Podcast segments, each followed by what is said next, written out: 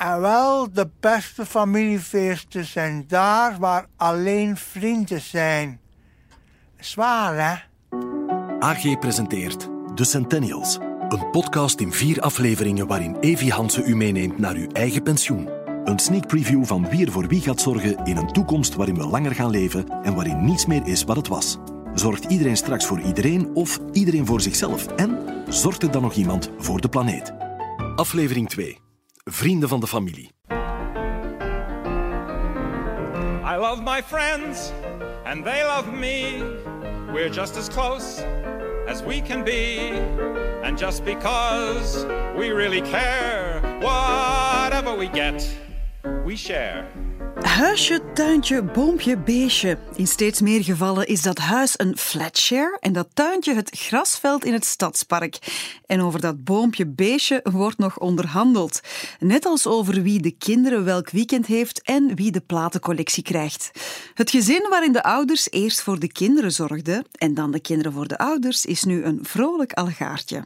Variatie is leuk, maar hoe zit dat straks als we op pensioen gaan? Voelt iemand zich dan nog verantwoordelijk voor ons welzijn? We praten erover met een boomer en een millennial.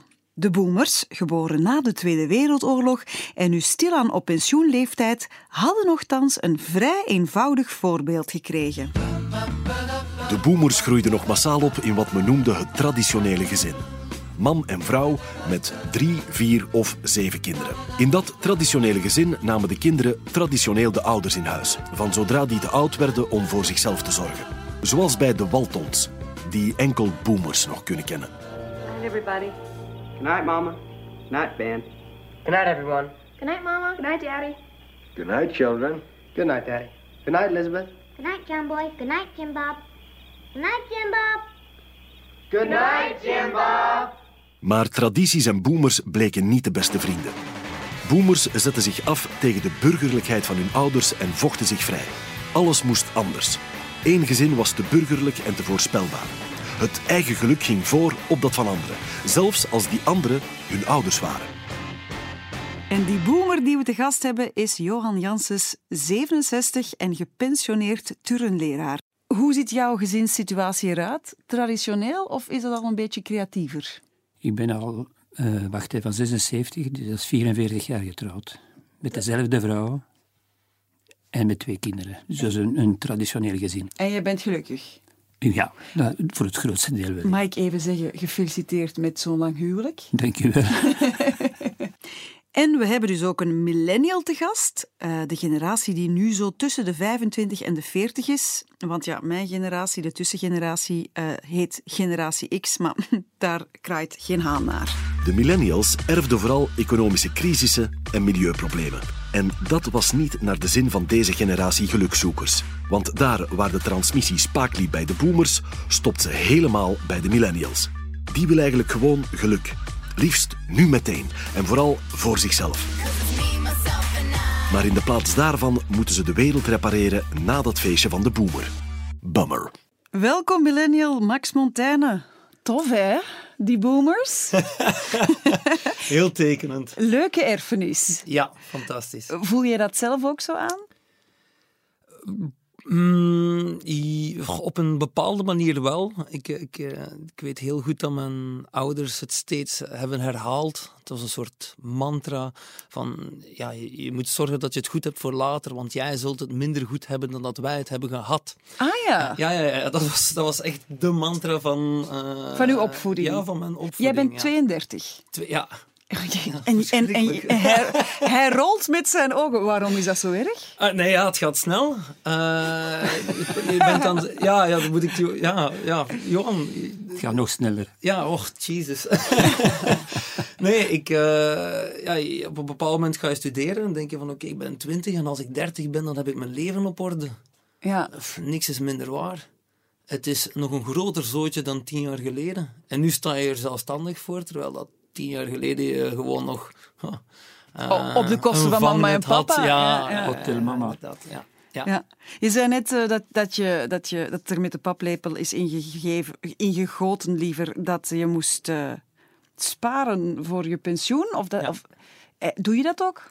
Nee, absoluut niet. Um, maar, ja, tot zover de opvoeding. Ja, tot zover de opvoeding. Maar het is bij mij, uh, zoals dat in het uh, introducerende stukje werd verteld, vooral een zoektocht naar geluk. Uh, Hoe vind ik die? En, en dan is het irrelevant om na te denken, ga ik gelukkig zijn als ik 60, 80, 90 ben? Het gaat um, om nu. Het gaat echt om nu. We hebben dus duidelijk een weg afgelegd sinds de jaren 50, maar het ziet er naar uit dat die weg nog lang en kronkelig is. Maar als die millennials allemaal centennials worden, is er dan nog iemand om voor hen te zorgen? Of kunnen ze maar beter hun schaapjes op het droge hebben en betalen voor hulp? Wat zou de doemdenker daarvan denken? Doemdenker? Kijk, structuur in een bloedlijn dat zorgt voor een duidelijke overdracht van patrimonium en dat creëert een solidariteit en respect ten opzichte van de ouderen. Maar als dat wegvalt en alle gezinswaarden verwateren in een wereld van de mi-mi-mi-cultuur, dan krijgt elke volgende generatie minder kansen en elke vorige minder aandacht. De maatschappij hangt dan als, als los zand aan elkaar zonder solidariteit, laat staan altruïsme financieel, ja, kijk, we staan aan de afgrond, hè, want de bevolking blijft maar vergrijzen en de pensioenkas die kraakt van dartrose. Uh, kom, kom, zo'n vaart zal het wel niet lopen. We hebben iemand die ons hopelijk wat beter nieuws zal brengen over die nieuwe samenlevingsvormen. Professor Dimitri Mortelmans is hoogleraar aan de faculteit Sociale Wetenschappen van de Universiteit Antwerpen. Hij is hoofd van het Centrum voor Demografie, Familie en Gezondheid en zit dagelijks met zijn neus op thema's als echtscheiding, evenwicht tussen gezin en arbeid en nieuwe samenlevingsvormen. Dag professor Mortelmans. Goeiedag. Goeiedag. Als er iemand iets weet van het gezin, dan bent u het wel. Wat zijn zo de grootste verschillen tussen een doorsnee gezin jaren 50 en een doorsnee gezin vandaag de dag? Wel, een doorsnee gezin in de jaren 50, um, dat leefde in de, de hoogdagen van het mannelijke kostwinnersmodel. Hij moest gaan werken, hij moest zorgen dat de, het inkomen uh, uh, binnenkwam. En zij moest eigenlijk uh, zorgen dat het huishouden draaide. En dat hield in de was en de plas doen, maar dat hield ook in uh, het zorgen voor de kinderen. En misschien moet ik daar ook bij vertellen dat het huwelijk daar een heel sterke rol in speelde. De, de, de samenleefvorm van het uh, huwelijk, waarin dat een koppel uh, kon samenleven, was eigenlijk exclusief bijna het huwelijk.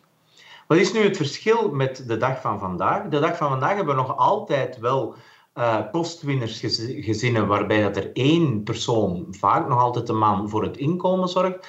Maar eigenlijk zijn we verschoven naar twee verdieners, waarbij dat zowel de man als de vrouw uh, het inkomen binnenbrengt en waarbij dat onze welvaartsniveau ook daarop afgestemd is. Helaas hebben we wel niet een stukje die, die tweede taak evenredig gaan verdelen. Dus we zijn wel met inkomen uh, verwerven, dat zijn we samen gaan doen, maar die zorg die zien we toch nog altijd vooral uh, bij de vrouwen terechtkomen. Al is daar een enorme verschuiving als... Ik denk dat, dat jonge mannen vandaag enorm veel meer doen dan hun vaders, laat staan hun grootvaders. Maar naar een gelijke verdeling van taken binnen het huishouden zijn we nog altijd niet gekomen. Dus dat is best wel een groot verschil. Ja, absoluut. Mijn volgende vraag is dan ook... Uh, naar welke samenlevingsvormen evolueren we dan? Hoe ziet u dat dan als we gaan zien over twintig jaar? Wat denkt u? Ik denk, er, er, is niet heel veel niet meer uh, te verschuiven. Als er verschuivingen aankomen, dan denk ik dat we op dit moment tekenen zien dat er uh, veel meer één, eenpersoonshuishoudens zijn. Dus mensen die alleen wonen en niet in koppelverband.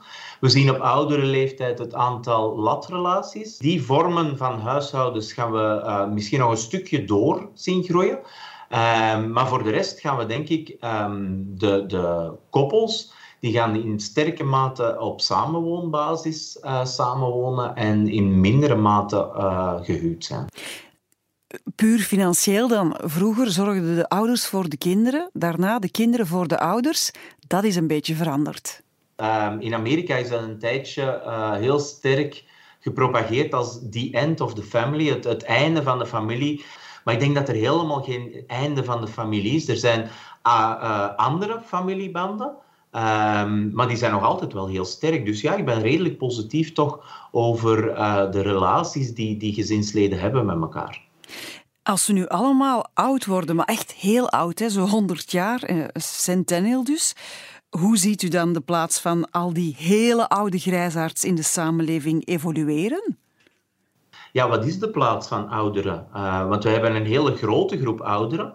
Um, en die zijn vaak worden die, om, omdat we in een, een, ja, een blitse mediamaatschappij leven, waar dat jong zijn uit het, van het schermspad, Um, zijn we een stukje de kracht ook van die oudere generatie uh, uh, vergeten. In de hele discussie uh, over de betaalbaarheid van pensioenen en, en um, moeten we toch kijken naar, naar de potentieel, het arbeidspotentieel van, van die oudere generatie en dat niet altijd wegduwen als, als een, een negatief iets. Oké, okay. um, maar u zegt het zelf al, die pensioenen die zullen wel betaald moeten blijven worden en er worden steeds minder kinderen geboren.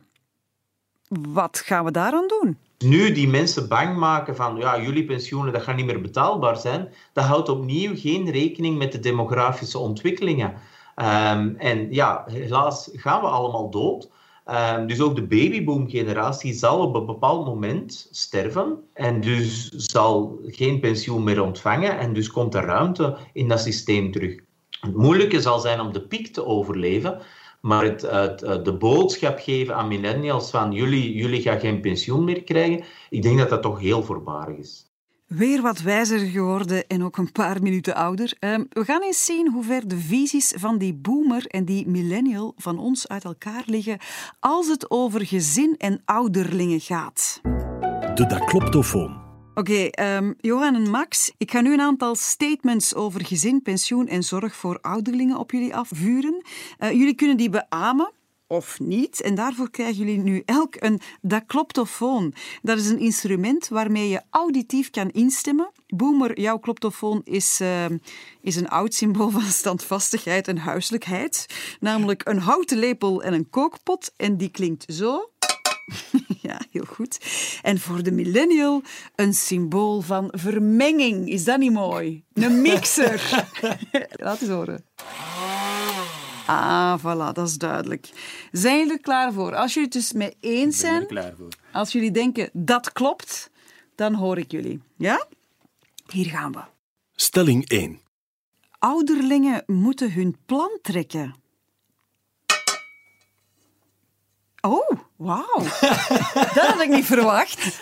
Johan de Boemer die zegt, het is waar. Ja, ik vind, ik vind uh, we hebben kunnen bouwen en ik denk dat wij voldoende vrijheid hebben om voor onszelf te kunnen zorgen. Ja, ook financieel. Dus, ook financieel, ja. Ja. Ja, ja, ja, We hebben daar, ah ja, je hebt dat wel gespaard, want dat, dat, dat moet je niet meer doen, hè, want dat brengt niks op. Maar het is wel tof dat je iets hebt en dat je niet moet terugvallen op je kinderen om je financieel te steunen.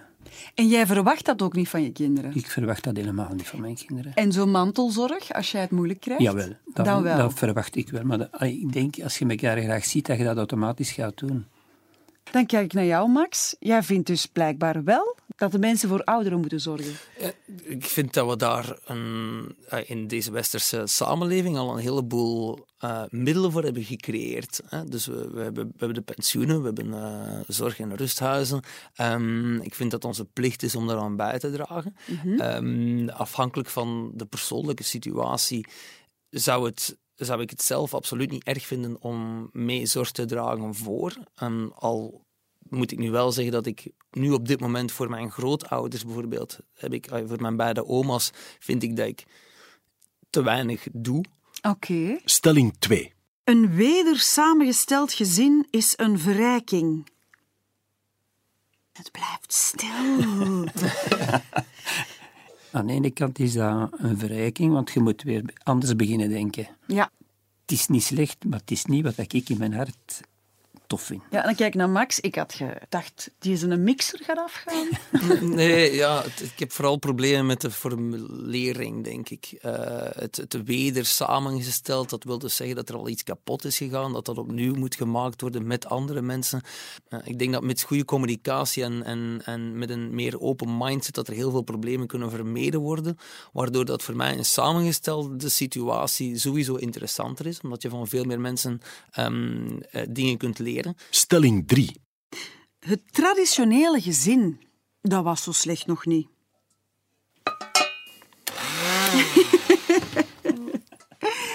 Ja, Johan. Ja, ik heb, ik heb er alle voordelen van gehad, van dat traditioneel gezin. Hè. Papa ging werken, moeder was altijd thuis. Je, je komt thuis van school, er is iemand, uh, het eten staat klaar.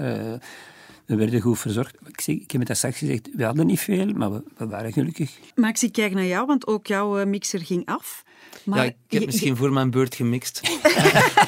uh, nee, de, de, de, zekerheid die traditionele gezin biedt en die ik zelf ook heb kunnen ervaren, dat, dat zorgt wel uh, voor, voor een stabiele omgeving. Dat is gewoon heel fijn. Dat is gewoon heel fijn. Maar? Um, maar we moeten ervoor zorgen dat, dat die... Dat, uh, als het traditionele gezin vandaag de dag de enige optie is, dan gaan we tegen heel veel frustraties boksen. Mensen die toch nog ja, ik wil plotseling de wereld nog zien, of ik heb iemand anders leren kennen die misschien meer mijn noden of wensen vervult, of um, ik wil uh, plotseling een kluizenaarsbestaan gaan leven.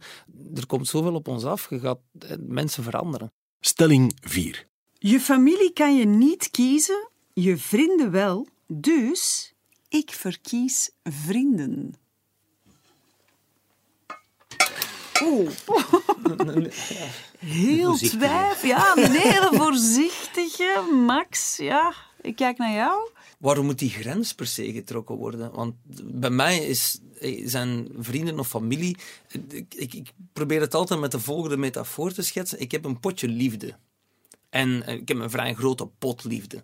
En ik heb liefde voor de mensen binnen in mijn familie, omdat dat, ja, dat is mijn familie. En, en met sommige mensen heb je echt een hele goede band. En met anderen ja, is die band wat minder, maar dat blijft wel je familie. En uit datzelfde potje schep ik dezelfde soort liefde voor vrienden en voor een vriendin en voor andere partners. En dus eh, dat, dat is vrienden, familie, ik vind dat allemaal zo ingewikkeld. Voor, ja, voor jou is het eigenlijk allemaal hetzelfde? Ja. Oké. Okay. Ja, allee, ik ga daar grosso modo mee, allee, kom ik daarmee overeen. Maar je familie is wel anders.